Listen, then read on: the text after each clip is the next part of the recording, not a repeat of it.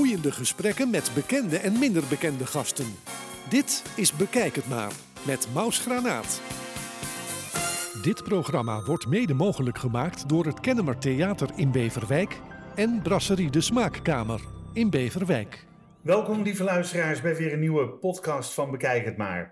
Vandaag hebben we een bijzondere gast in onze podcast. En dat is een vrouw die een boek schreef uh, op een grappige manier met veel anekdotes. Uh, en wat eigenlijk het verhaal van haar leven weergeeft. Sla met suiker, dat is de titel van, uh, van het boek en het verhaal van Annemarie en Peter. Hun eerste huwelijksjaren zijn een groot gevoel van geluk. Uh, er worden drie kinderen geboren en na uh, verloop van tijd ontdekt Annemarie dat ze tussen aanhalingstekens anders is. En dat ze ondanks haar verbondenheid met Peter en de kinderen niet echt gelukkig was met Peter. Haar gevoelens verwarren haar en ze besluit te vertrekken en op zoek te gaan naar wie ze echt is. Peter blijft alleen en ontredderd achter. Daarnaast is, uh, daarnaast is ze groot fan en verzamelaar van alles wat van Wim Sonneveld afkomstig is. Welkom Annemarie Hering. Dankjewel. Ja, klopt het een beetje? Ja, klopt helemaal. Oké. Okay. Uh, voordat we het over het boek gaan hebben, wil ik je eigenlijk even mee terugnemen naar je jeugd. Um, je groeit op in een Joods gezin net uh, in de Tweede Wereldoorlog. Zou je iets kunnen vertellen over het gezin waar je vandaan komt en wat voor rol speelde de oorlog in het gezin tijdens en na de oorlog? Dat is een moeilijke vraag. Want ik ben niet Joods opgevoed. Mijn vader was een niet-Joods. Maar je moeder wel? Mijn moeder wel. Dus volgens de wet ja, ben, ben je een Joodse Joods, vrouw? Ja. Mijn kinderen ook. Ja. Maar ik heb daar nooit zoveel van gemerkt. We deden niet aan Joodse rituelen. Nee. Helemaal niet. Dus ik heb dat niet zo... En bovendien, er werd nooit over gepraat over de oorlog. Nooit. Nooit. In tegenstelling nooit. tot veel andere gezinnen? waar oorlog continu de boventoon voerde. Ja. ja. Tijdens en er, vooral na de oorlog. Ja. Er werd niet over gepraat. We hadden, ik was, we hadden een vriendin, dat zeiden we tante tegen. Ja. Bleek later de verloofde van een omgekomen broer te zijn van uh, mijn moeder. Die is het hele leven is, uh, bij onze familie gebleven. En toen ik veertig uh, jaar later wel eens zei tegen haar Jullie zullen wel veel steun aan elkaar gehad hebben. Mijn moeder was haar broer verloren, een van haar broers. En die tante dan haar verloofde. Ja? Toen zei, ze, toen zei ze, we hebben er nooit met één woord over gesproken met elkaar. En toen begon ze te huilen. Ja, maar wat... wat, wat... En dat is voor mij onbegrijpelijk. onbegrijpelijk. Ja. Onbegrijpelijk. Dat je elkaar daar niet tot... Ja, ze zal altijd steunen, want ze is bij de familie gebleven. Ja. Dat je daar met nooit met één woord over gesproken hebt. Typisch. En, en wat voor invloed heeft de oorlog op, op jou gehad en op jouw persoonlijk leven? Ook niet zoveel. Mijn moeder zei wel, uh, zeg nooit dat je Joods bent. En verder heeft ze dat hele hoofdstuk uh, buiten mijn broer en mij helemaal buiten ons gezichtsveld gehouden. Het werd niet over gepraat en het bestond niet. En mijn fout is geweest dat ik haar daar ook nooit over gevraagd heb. Nee, want ik wil vragen, heb je nooit gevraagd? Ik waar... heb nooit gevraagd. En waarom niet? Want het is net zo, voor mij, net zo onbegrijpelijk ja. als dat je moeder met de, tussen aanhalingstekens, ja. tante ja. Nooit besproken hebt. Heb je daar spijt van? Of, eh, achteraf? heel erg. Ja. Ik denk dat je als kind aanvoelde dat je dat niet moest doen. Dat moet mijn antwoord geweest zijn, is mijn antwoord dat je dat niet moest doen. Dat je daar haar verdriet mee zou doen. Dat voelde je instinctief aan, denk ik. En ik heb misschien het excuus dat ze, al, dat ze overleed toen ik 23 was. Dus ik was nog betrekkelijk jong. Oh, Oké, okay, ja, ja. Als je nou uh, zeg maar 50 was, dan zou ik het waarschijnlijk wel gevraagd hebben. Ja. Hoe oud is je moeder geworden? Die is maar 59 geworden. Ja. Heel jong. Dus Ja. dan heb je je vader ook toen moeten missen al? Nee, nee, nee, die is, uh, die is ouder geworden. Die is ouder Die is, geworden. uh, bijna 78, die is 78 geworden. Ja. Ook niet echt oud, maar in ieder geval een, een respectabelere leeftijd. Ja, zeker. Ja. Ja. Ehm, En ik heb ook nooit wat aan mijn vader gevraagd. Maar ik heb met mijn vader ook niet zo. heb je er wel eens met je broer over gesproken? Nee, want we hadden geen, we hadden geen, uh, con- we hadden geen broer en zus uh, verband. Nog steeds niet. Nooit Die is gekomen. overleden. Die is een Oh. paar jaar geleden overleden. Nee, nooit gekomen. Nooit gekomen. Vind je het jammer? Ja, vind het wel jammer. Vind het wel jammer. Maar ik heb nog een halfbroer in Australië en daar is eh, de band wel goed mee. Dus je gaat regelmatig even naar Down Under? Nee, nee dat niet. Dat dan niet? Nee. Oké, ehm, wat ben je gaan doen na het voortgezet onderwijs? Ehm, ik ben eh, gezakt voor de ABS op één punt. En ik wist niet wat ik zou gaan doen. Ik had totaal geen idee. En eh, toen ben ik op kantoor gaan werken, een aantal jaren. En ook in tussentijd, na die kantoorjaren, want ik ben al heel vroeg getrouwd, toen ik 19 was. Ook nog eh, een poos bij mijn vader in de winkel gestaan. We hadden een boekhandel, kantoorboekhandel, leesbibliotheek. En, maar ik heb altijd gedacht, ik weet niet wat ik worden wil. Ik weet het niet. En op, op een gegeven moment kwam ik op het huis terecht in Horen. Ik was al getrouwd. En ik ben daar vijf en een half jaar blijven hangen. En wat, wat voor functie vervulde Ik je op was het daar gemeente? plaatsvervangend chef van de typekamer. Van de typekamer? Ja. Maar Ja. ze keken mij vreemd aan. want Toen was het nog niet gebruikelijk dat je als je getrouwd was, dat je eh, ergens wilde werken nog. Dat deed je toen in mijn tijd niet. Nee, Dan dat was trouwen, kinderen krijgen Je en stoppen met ja. werken, ja. ja. En ik was ook 19, dus ze keken mij ook wel aan van ja, hoe moet het nou met de, met de, met de verlofdagen? Want eigenlijk ben je eh, nog geen 21, dus je bent nog niet meerderjarig. Maar je bent ook Ja. 19, dus je Ja. bent wel meerderjarig. ja, ja. Dus dat was wel Vreemd. uitzoekerij. Maar ik ben daar vijf en een half jaar gebleven. En met je veel bent, eh, plezier. met veel plezier. Nou, de plezier was niet zozeer dat ik het werk zo leuk vond, maar de waardering wel kreeg. ja. Maar je hebt meerdere administratieve functies vervuld? Nee, alleen eh, de typekamer. Alleen de De typekamer? hele dag typen, van half negen tot half zes. En toen werd ik 38. Nee, eh, ik moet even snel uitrekenen. Nee, Ja, wat- 87. Toen wist ik wat ik wilde. Toen wilde je maatschappelijk werkster Toen wilde ik maatschappelijk werkzaam Toen was je worden. 43. Ja, Ja. heb je snel uitgerekend. Ja, Nee. Of bijna ja, 44. Ik heb het gelezen. bijna allemaal. 44. Bijna 44. Ja, ja. Toen dacht ik, dat is eigenlijk wat ik wil. ja. En toen ben ik vier jaar naar de, naar de parttime opleiding gegaan in Amsterdam. Maar, maar voor, voordat je dat deed, schreef je eh, ook al stukjes voor diverse Ja. damesbladen. Ja, Eh, met veel succes. ja, Want je won ook wel eens een prijsje. klopt. Ja. Eh, wat, wat schreef je en voor welke bladen schreef je? Libelle en Margriet, korte anekdotes. Ja. Korte dingen die Dus je kon wel heel grappig schrijven. Waarschijnlijk. Heb je dat nog, heb je, tot wanneer heb je dat gedaan? Daarna niet meer. Daarna niet meer. Een gegeven moment eh, denk je, nou ja, is genoeg geweest. Maar dat waren ingezonde, ingezonde stukjes. Nee, dat waren gewoon anekdotes van dingen die ik maar je was, was je in dienst van eh, de nee, Libelle nee. en de Magie? Nee, dat dat stuurde ik gewoon spontaan. Ja, en dat plaatsten ze dan. Ja. Nou, wat leuk. Ehm, uiteindelijk eh, werd je verliefd op Peter en zaten jullie... eh, Nee, dat was voor die tijd al. Ja, dat was voor die tijd. Ja. Maar ik, ik heb, Ja. ja. jij, jij Nee. praat natuurlijk heel snel. Maar goed, ik, ik pak het nog even terug daar waar jullie verliefd werden. Ja, Jullie zaten op dezelfde school, jullie trouwden, kregen drie kinderen. wacht even. Oké, oké, ga, ga, vertel. We zaten niet op dezelfde school. Oh, ik weet niet waar ik dat vandaan heb, maar... Hij, eh, mijn man die zat op een andere HBS dan ik, in de buurt waar die woonde. Ik zat in Buitenveldert, een stuk eh, eh, eh, in Zuid moet ik zeggen. ja. Ja, Maar Buitenveld, het is... Ja, ligt er ook tegenaan, Ligt aan? Zuid, ja. Nee, hij zat op een andere HBS, dichter bij huis. En na een jaar moest hij eraf van zijn vader. Toen moest hij kapper worden. Hij was blijven zitten. Hij was 13 jaar. En zijn vader zei, je hebt één keer de kans gehad. En nu moet je van school af. Oeh. En toen moest hij kapper worden. Werd hij, de- Hij moest 13. kapper worden. Hij moest kapper worden. Als jij niet wil leren, dan maak ik een kapper van je. En dat deed hij. En dat deed hij. En dat was, werd hij een goede kapper? Hij werd een hele goede kapper. Oké. En zat jij eerst bij hem in de stoel voordat het aanging? Nee, Of, nee, Nee. Ik ben wel eens geknipt. En, eh, op, op een zodanige manier en zo verschrikkelijk kort. dat zijn vader en, en hij me allebei uitlachten van... eh, oh jee, oh jee, wat hebben we gedaan? Ja, dat was ik wel... was het Vond ik eens, niet zo eens, leuk. eens maar nooit meer? Eén heeft keer is hij dat geweest. Eén keer is dat geweest. Maar hij is je wel blijven Hij knippen? heeft me altijd blijven knippen. Ja. Zelfs toen we uit elkaar waren. Oké. Daar komen we straks nog op natuurlijk. Ehm, Nee, ik ben niet in de zon. Want hij, ze waren, zijn vader en hij waren herenkappers.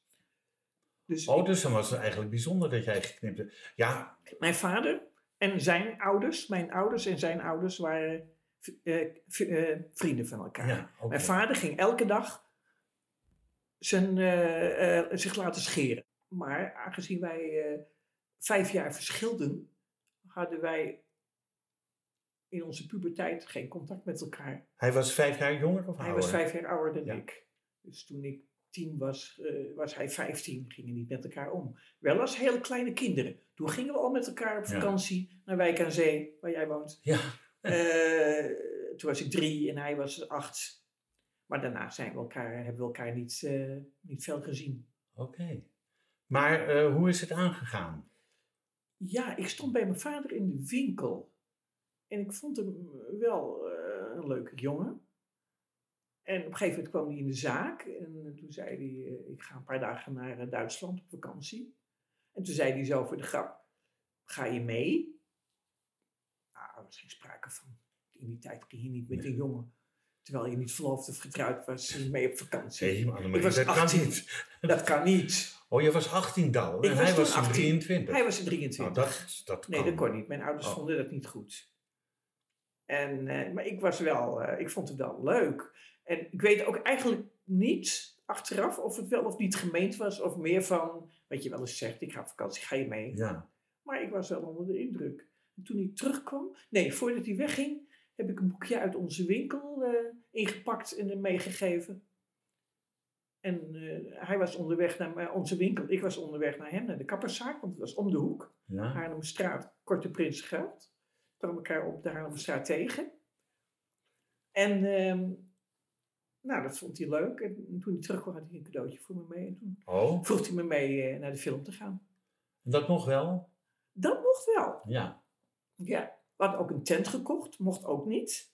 We mochten die niet gebruiken. Maar het grappige was, dat toen ik jarig was, kreeg ik van mijn vader zo'n zo'n zo'n koffer met bekers en, en bestek. Dus het was heel bijzonder.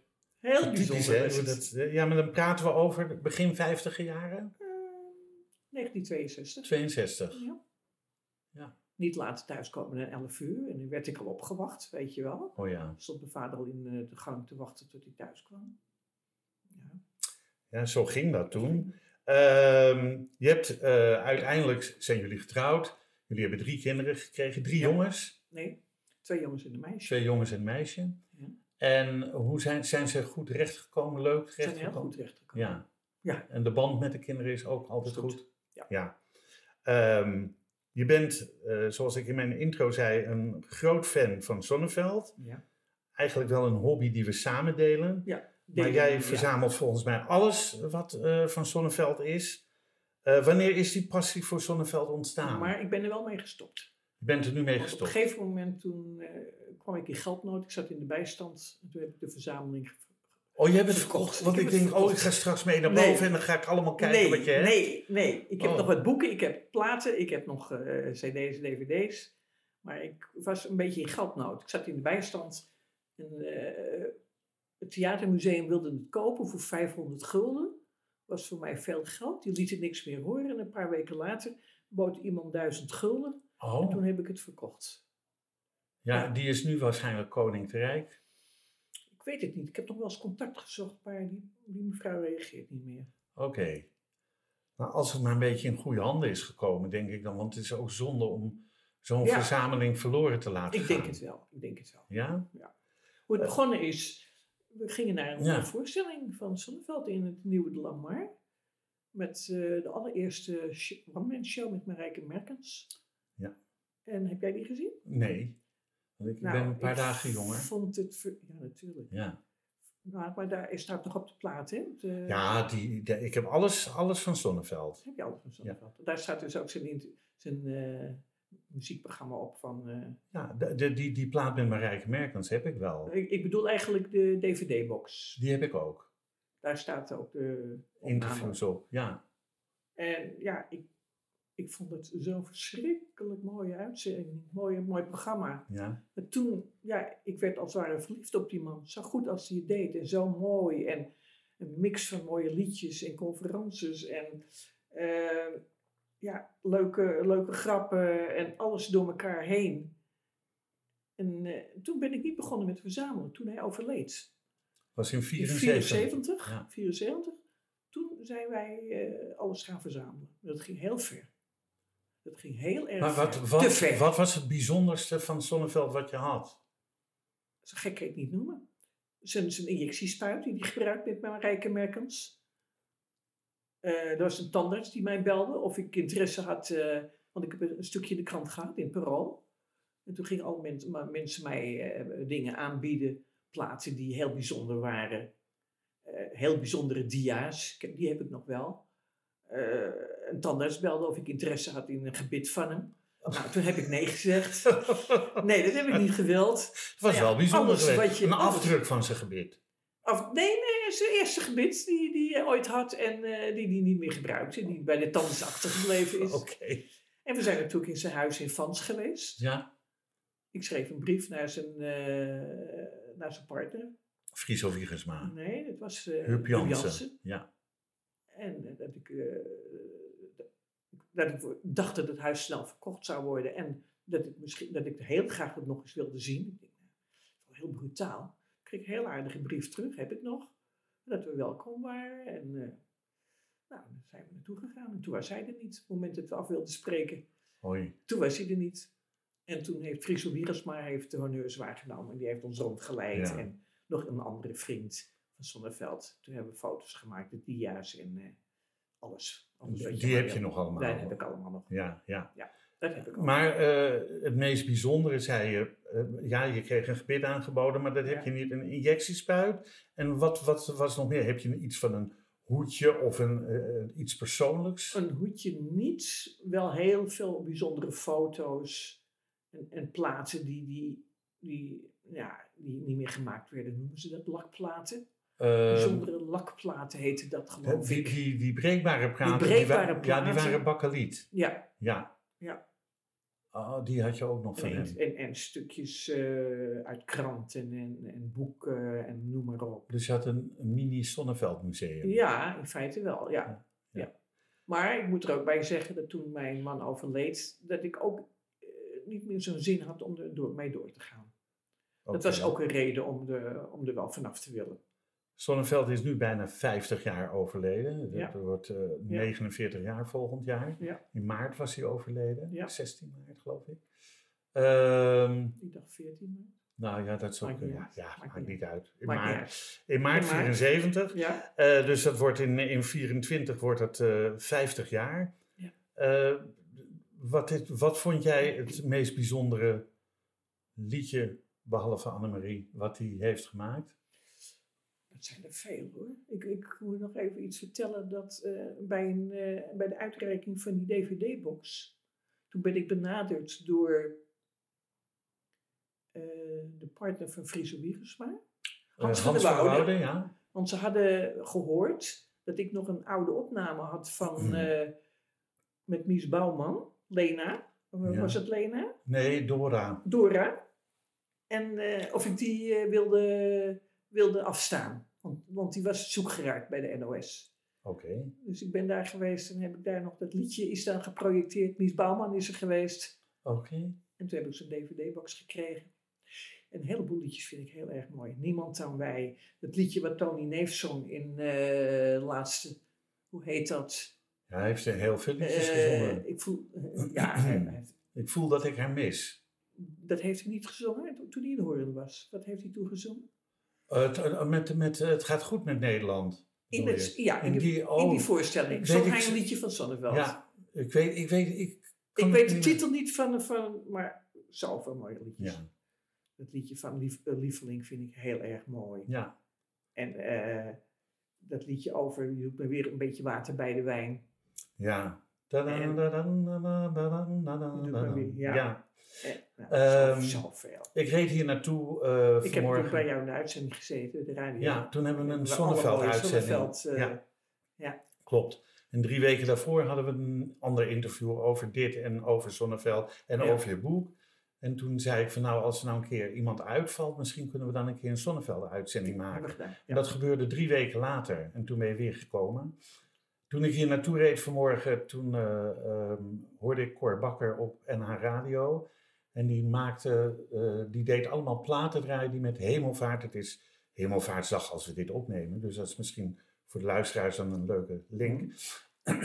en eh, die draaiden allemaal platen wat ging over de hemel. En toen draaide je het nummer Luchtkastelen van, uh, van zeg je? Ja, Oh, dan heb je ook nog het liedje Sinds donderdag de tiende ben, ben ik ik dood. dood. Ja, ik werd begraven op een koele maandagmorgen. Ik weet ook hoe dat liedje van eh, Tony Neef heette, wat die zong, Wat moet ik doen zonder, Zonder jou? jou, dat was hem. Ja, Mooi klopt. was dat. Wat moet ik doen zonder jou? Ja, dat is een mooi liedje van eh, de, Sinds donderdag de tiende ben ik dood. Ja, Ja. klopt. Ehm, nou, jij was bij mij in de studio op 4 november 2018 eh, van de lokale omroep waar ik toen werkte. En ehm, je vond ook eigenlijk dat er te weinig Zonneveld te horen was op de radio. Dat vind ik nog steeds, dat, dat is ook zo. En eh, nou, toen, eh, toen hebben we drie weken later inderdaad hebben we een Zonneveld-uitzending gemaakt. en als je het leuk vindt, dan ehm, eh, gaan we eventjes een plaatje draaien nu van Sonneveld. En dan vind ik het toch wel leuk om Annemarie te draaien. Vind je dat leuk? Vind ik helemaal. Weet je nog, ach weet je nog wel, Annemarie. Weet je nog, je weet het vast wel, Annemarie. Die tijd is voorbij. Het was een regenachtige dag, ik weet het nog, ach, en de stad was zo grijs. Oh, wat waren we beiden toch moe, maar wat deed het ertoe, want die stad was Parijs. In de regen nam ik je mee, ik wist een café, een vrolijk terras. Er bestond geen tijd en we bleven kijken naar het leven op Montparnasse. Weet je nog, ach weet je nog wel, Annemarie. Weet je het nog, je weet het vast wel, Annemarie. Die tijd is voorbij. Het is een regenachtige dag, net als toen en ach, Parijs is ver weg. Ik vraag me af waar of je nu bent, misschien met een vent, en wie weet wat je zegt. Je vertelt hem over een reis, voor het eerst in Parijs, en van een terras van een vriend, maar je bent vergeten hoe of ik heet en wie of ik was. Weet je nog, ach weet je nog wel, la la la la. Weet je nog, je weet het vast wel, Annemarie. Die tijd komt nooit meer terug. Als je Zonneveld hoort zingen, dan hè, dit nummer Annemarie, speciaal voor jou. Want eh, is het niet zo dat Tony Neef dat een keer voor jou heeft gezongen Ja, in het theater? Ja, nou, in, eh, in, in Hoorn. In, eh, twee keer heb ik een, eh, zelf een georganiseerd dat zij in Hoorn kwamen. Huis Ja. verloren. Huis verloren. ja. een stukje van Annemarie gezongen. Maar dit is, heeft ook een triest, triest verhaal. Want op, het, op, op, het ge- op, het, op de dag dat wij 25 jaar getrouwd zouden zijn, ging ik met een vriendin naar Parijs. Dus het is een, eigenlijk ook een heel triest eh, verhaal, dit liedje. ja, maar dat doet jou dus altijd daaraan denken. Ja. Dat zal altijd op Ja. die manier in je gedachten blijven. Ja, zeker. Ehm, je hebt het net al een beetje benoemd. Toen je 43 was, eh, ben je de opleiding tot maatschappelijk werk gaan doen. Ja. Ehm, hoe kwam dat? En kun je jezelf een laadbloeier noemen? Want eh, op je 43ste weer gaan studeren, op je 71ste debuteren met een, met een boek. Eh, denk ik van, goh, ben je een laadbloeier of ben je dingen gaan doen waarvan je dacht van, dit heb ik gewoon altijd willen doen en nu doe ik het? Ja, ik heb mijn leven lang altijd gedacht, wat zou ik nou leuk vinden om te gaan doen? Of mooi vinden om te gaan doen? En ik kwam er niet uit. Er zijn natuurlijk heel veel jonge lui die niet weten wat ze willen doen, maar ik wist het nooit. Nooit geweten wat ik precies wilde. Maar toen je eenmaal de opleiding tot maatschappelijk werk deed, Ja. dacht je toen van ik heb het gevonden? Ja, toen dacht ik wel, ik heb het gevonden. En eh dus een behoorlijk dosis eh, eh, psychiatrie, psychologie, Ja, filosofie, mensenkennis, filosofie. sociologie, Gie- Ja, precies. statistiek. Al, al, al die gietjes, die moet je wel een beetje Ja. tot je kunnen en nemen. ik had toen drie kinderen. En je had drie kinderen. En, eh, Dat ja, was een stukje pedagogiek. ja, ja, dat viel allemaal ook niet mee hoor. Nee, Dat viel nee. allemaal niet mee. Nee. Eh, maar Ik heb ze ook wel een beetje misbruikt. de kinderen, Ja, op een goede manier, hè? eh, ja, Ja. ja. Dus ik, toen ik de eerste keer, was één, één keer, één jaar avondschool. En- drie jaar dagschool. Dus toen ik naar de avondschool ging, toen heb ik wel tegen ze gezegd, ik zou het wel heel fijn vinden als jullie dan om de beurt, dus eh, drie kinderen drie keer in de week konden koken voor mij, voor ons. Ja. En dat hebben ze gedaan, zonder eh, problemen. En de jongste was elf en die deed dat ook. ja, geweldig. Ja, Ja. Dan Ja. kon mama leren. en later dacht ik van, nou ik ging natuurlijk al vroeg naar school. Ik was om half zes stond ik al bij de bushalte. Om naar Amsterdam te gaan. Ja. Oh, dus je studeerde aan de UvA of zo? Nee, in de Hogeschool van Amsterdam. Oh, de Hogeschool van dat Amsterdam. was toen in de Kuiperstraat. Dat is nog wel Ja. een eh, eentje verder. Ja, dat is behoorlijk. Ja. Ehm, nou, en, en je hebt natuurlijk gedebuteerd in eh, eh, een jaar of vijf geleden. Wanneer is je boek uitgekomen? Eh, 2016. Ja, nou ja, eh, de- dus dat is eh, zes jaar geleden. Eh, debuteerde je met het boek Sla met suiker. Eh, op zich natuurlijk een rare, rare titel, want wie eet er nou sla met suiker? Ik. Ja, dat, meen je dat echt? Doe je dat nog steeds? Ik doe het niet nog steeds. Maar als ik, als ik eh, ergens ben en ik denk, nou dat sausje is een beetje zuur. Dan gooi ik er met plezier eh, een sch- een schepje suiker overheen. Oké, en, en eh, had je toen alleen sla met suiker? Of deed je dat alleen als er eh, te veel azijn in zat of zo?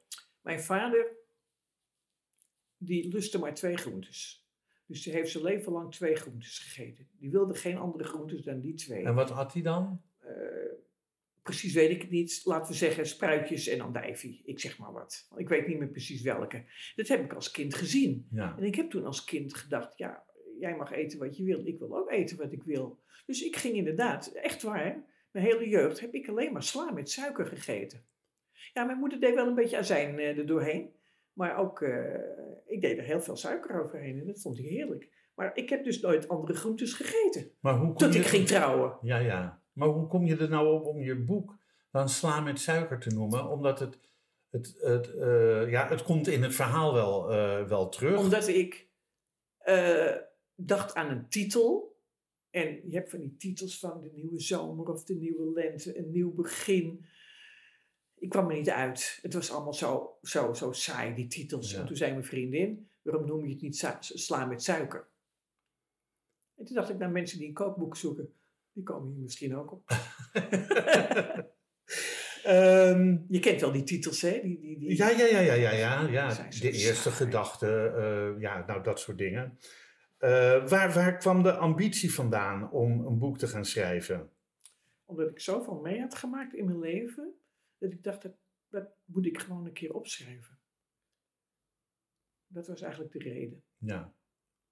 Dat, dat was de reden om, om, om te gaan typen. En, eh, Ja, Ja. en hoe ben je uiteindelijk bij een uitgever gekomen? dat, en eh, dat is een heel, eh, dat is een, een, een- proces geweest? nou, dat is verschrikkelijk geweest. En ik heb de grootste uitgeverijen benaderd en van allemaal zijn ze het, eh, het concept kwijtgeraakt. Of het duurde drie maanden en toen waren ze kwijtgeraakt en toen duurde het weer drie maanden. En eh, nou, het was echt, het was niet leuk meer. Nee, Ik denk dat sommigen het geen eens gelezen hebben. het is Je uiteindelijk bent, bij... natuurlijk, je bent natuurlijk niet een bekende Nederlander, hè? Nee, En dat, dat heb je tegen. dat begint nu te komen. Op een gegeven moment heb ik een mevrouw benaderd, die, eh, die had het in een dag uit. Die had, in een dag had ze contact met mij gezocht. En we hebben afgesproken, toen zei ze, ik, eh, ik wil het wel uitgeven. In, in een tijd van twee dagen was het rond. Amsterdam Publishers. Eigenlijk doet ze alleen maar eh, Engelse boeken. En wat e-books, eigenlijk. Ja. Maar ze zegt, ik wil, ik wil daar wel aan meewerken.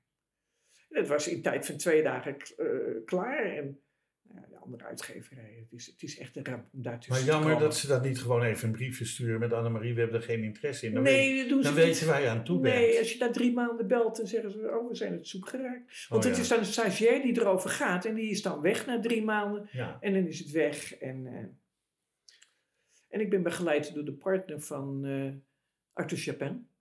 Oké, ja, want die leeft ook in een manege Artois. Die was vroeger, eh, ook zeg je, Ja, ook nou... die eh, was vroeger Zonneveld- directeur van de arbeiderspers. Oké, ja, ja, ja. En die ja. heeft mij begeleid. Nou, geweldig. Ja, Ja, die hebben ook een mooi huis in Frankrijk. ja zeker. En Ja. in Utrecht twee huizen. Ja, zeker.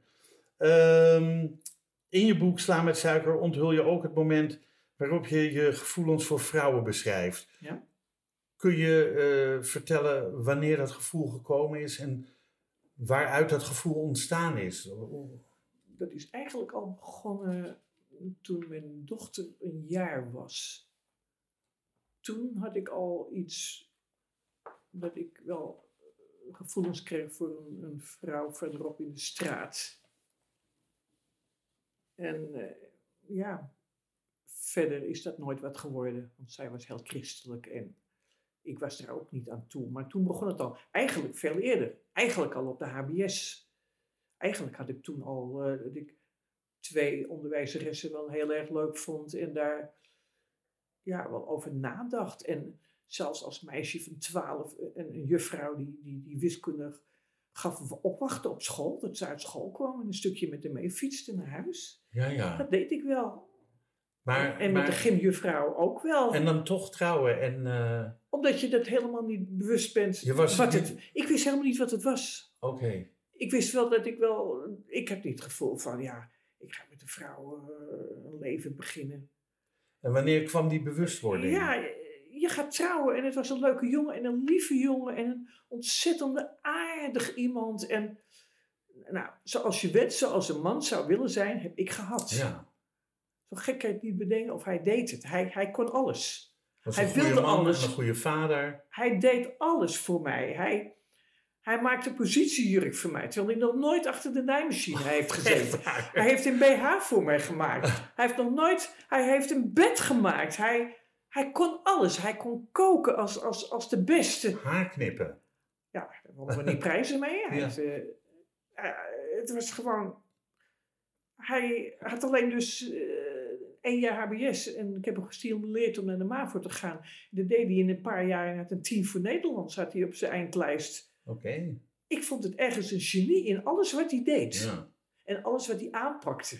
En jullie verstandhouding is altijd goed gebleven. Ja, Laten we dat ja, ook eventjes ja, ja, voorop stellen. ja. Wat ik zo, we hadden het net even over Sonneveld, zo grappig aan Sonneveld vond, is dat hij eh, nou jarenlang over vrouwen heeft gezongen, over Marjoleine, over Annemarie. En Maar Sonneveld wilde er niet vooruit komen. nee, die In wil. tegenstelling tot Albert Mol. Ja, Sonneveld die hield het bedekt. ja, Die wilde daar niets van weten. Hij was bang dat hij zijn klanten zou mislopen. ja dat, dat, dat mensen hem opeens niet meer eh, de Sonneveld zouden vinden. Denk je dat dat gebeurd zou zijn als hij eh, uit de kast was gekomen?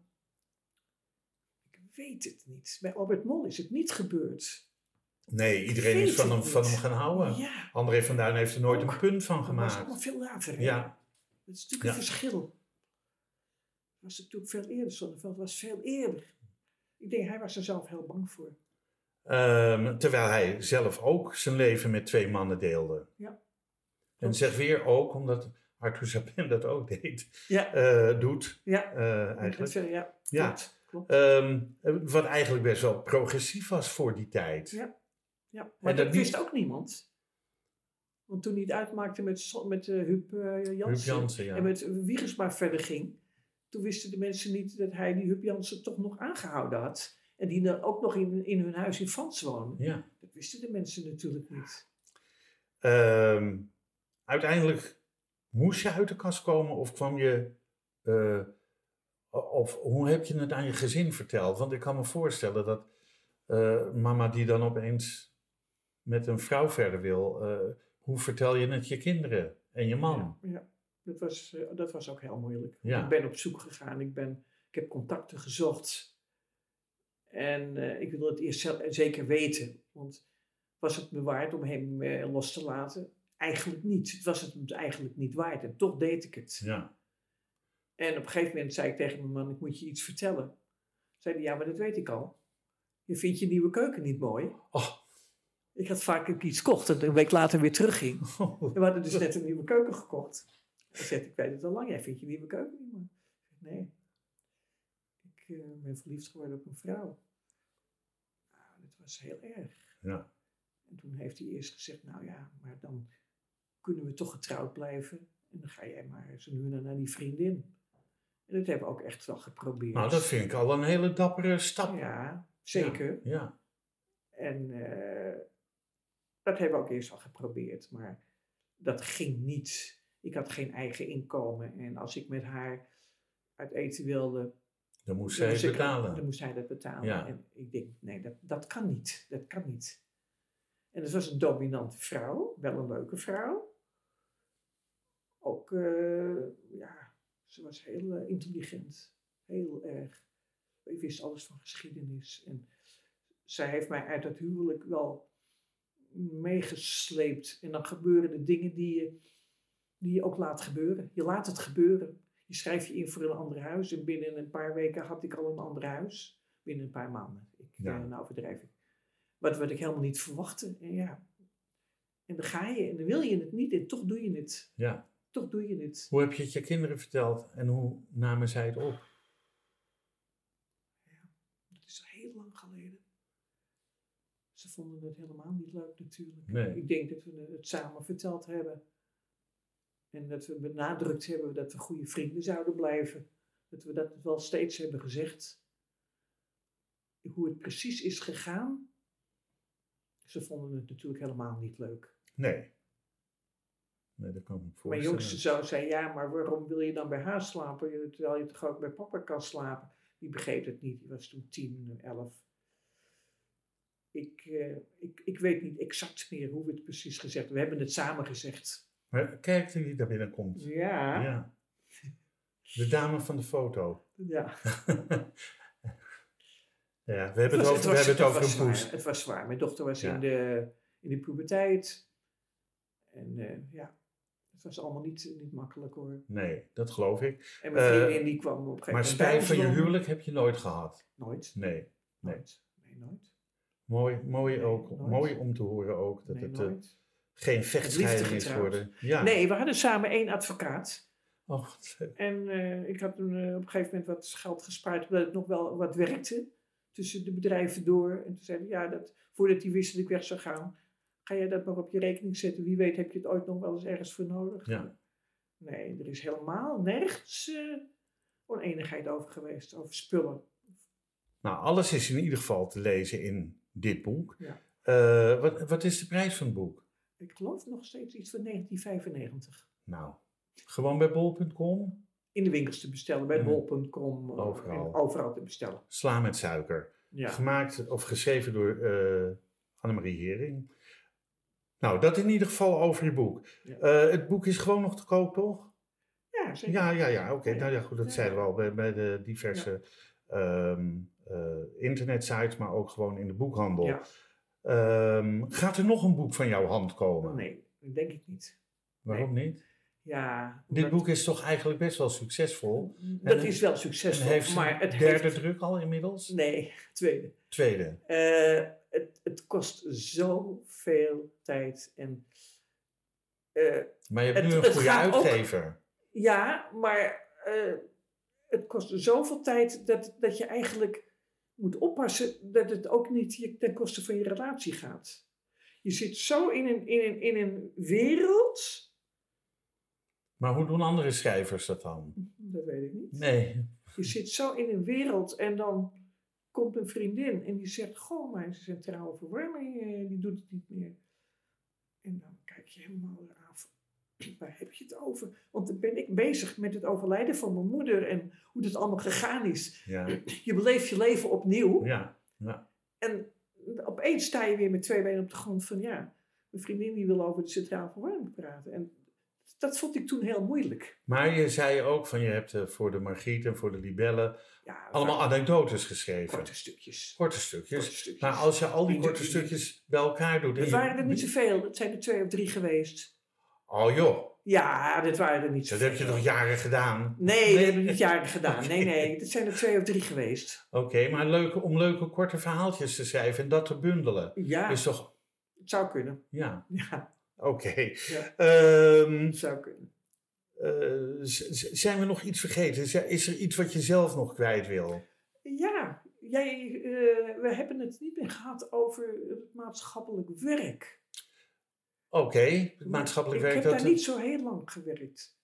Want het was eigenlijk een teleurstelling hoe, hoe mensen met, met patiënten omgingen. Ja, En toen dacht ik, hier wil ik toch niet bij, bij horen. Ik heb gewerkt bij het sociale dienst in Purmerend. En dan moet je mensen begeleiden die in de bijstand zitten. En dan zei mijn leidinggevende, ik wil niet dat je hun dingen eh, vertelt waar ze recht op hebben. Voor geld, dat moeten ze zelf mee komen, maar dat mag je hun niet, niet aanbieden. dat is toch de ondersteuning juist die je biedt? Ja, en dat mocht niet. Mensen moesten zelf zeggen van we hebben recht op dit of op dat. Ik mocht niet zelf dat zeggen. En dat, dat was al een afknapper. Toen ben ik halverwege daar weggegaan. Ik denk, dat past niet bij mij. Oh, ja, ik hoor Mensen zitten in de armoede en, eh, Die probeer je te en, helpen? en die probeer je te helpen, maar je mag ze eigenlijk niet helpen. Of ze moeten zo mondig zijn dat ze zelf gaan uitzoeken waar ze recht op hebben. Wat, eh, En eh, dat noemen ze eerste- maatschappelijke hulpverlening. Ja, en mijn eerste werk was bij eh opvanghuis in Horen. En bij de evaluatie zeiden ze dat ik niet betrokken genoeg was. Terwijl ik dacht dat ik het heel erg was. Mijn tweede baan was bij het Algemeen Maatschappelijk Werk. En toen werd er gezegd dat ik eh, te betrokken was. Dus enerzijds was ik niet betrokken genoeg. Toen was ik te betrokken. En dat hield in dat mensen met een zware hernia, die bijvoorbeeld boven moesten komen of voor, voor een praatje, eh, die konden dat niet, want die hadden een hernia en die konden die trap niet op. Nou, als ze die trap niet op konden, dan hoefden ze ook geen hulp, want dan waren ze niet gemotiveerd om boven te komen. Zulke onzin dingen. Ik denk, die mensen kunnen de trap niet op, dus ging ik op huisbezoek. Dat mocht dan weer niet, want ze moesten bij ons komen. Dat soort dingen, daar liep Oh, oh. ik tegenaan. En, en, en in dat jaar, het was geloof ik 93, toen overleden vier jongens, vier vrienden van mij aan AIDS. In 93 is mijn man overleden. En toen dacht ik, eh, ik, ik ga ermee stoppen. Ik, eh, ik wil dit niet meer. Dus het, eh, een jaar of zes is het... jaar eh, ik heb het eigenlijk maar een jaar of, eerste jaar stage, een jaar of drie heb ik het maar gedaan. ja, Toen dacht ik, ik stop ermee. Ik vind dit is toch niet wat ik ervan verwacht had. dus eh, spijt van je opleiding? Nee. Of, Nee, geen spijt van de opleiding. nee. Maar Heb, wel, heb je later nog iets gedaan waar je, wa- waardoor, je, eh, wa- waardoor je wel steun had aan datgene wat je had geleerd, maar misschien niet zozeer in de maatschappelijke dienstverlening? nee, nee, nee. Ik had mijn handen vol met mijn drie kinderen. Ja, En had mijn handen vol aan, eh, aan het ontdekken van wat mijn leven nou zou worden. ja, Het verdriet om, om, om eh, huwelijk te verlaten. ja. En veel later is ook, eh, veel later, daar zit ik nu in, is het oorlogsverleden van mijn moeder komt nu heel erg boven. Mijn broer had het ook toen hij overleed. Die zei tegen mij, ben je ook zo met de oorlog bezig? Ik zeg, ja. En daar ben ik nu heel erg mee bezig. Met uitzoeken van Ja. hoe dingen allemaal gegaan zijn. Hoeveel mensen er overleden zijn. Nou ja, misschien komt er toch nog een boek daarover. Misschien wel, ja, Ja. dat zou zomaar kunnen. Ja, Ja. ja. Dus Ja. eh, in afwachting van Sla met Ja. suiker deel 2, Ja. Ehm, is er nog iets wat je Nee. met ons wilt delen? nee, ik geloof het niet. Dan wil ik jou, Annemarie Hering, enorm bedanken voor je gastvrijheid. Je heel veel succes, maar ook vooral gezondheid toewensen voor de toekomst. Dankjewel. En ehm, deze podcast wordt uitgegeven door de Vrijstaat Roots. Alles is na te lezen op www.bekijkhetmaar.com. Bedankt voor het luisteren en wat mij betreft weer graag tot de volgende podcast. Dit programma werd mede mogelijk gemaakt door het Kennemer Theater in Beverwijk en Brasserie de Smaakkamer in Beverwijk.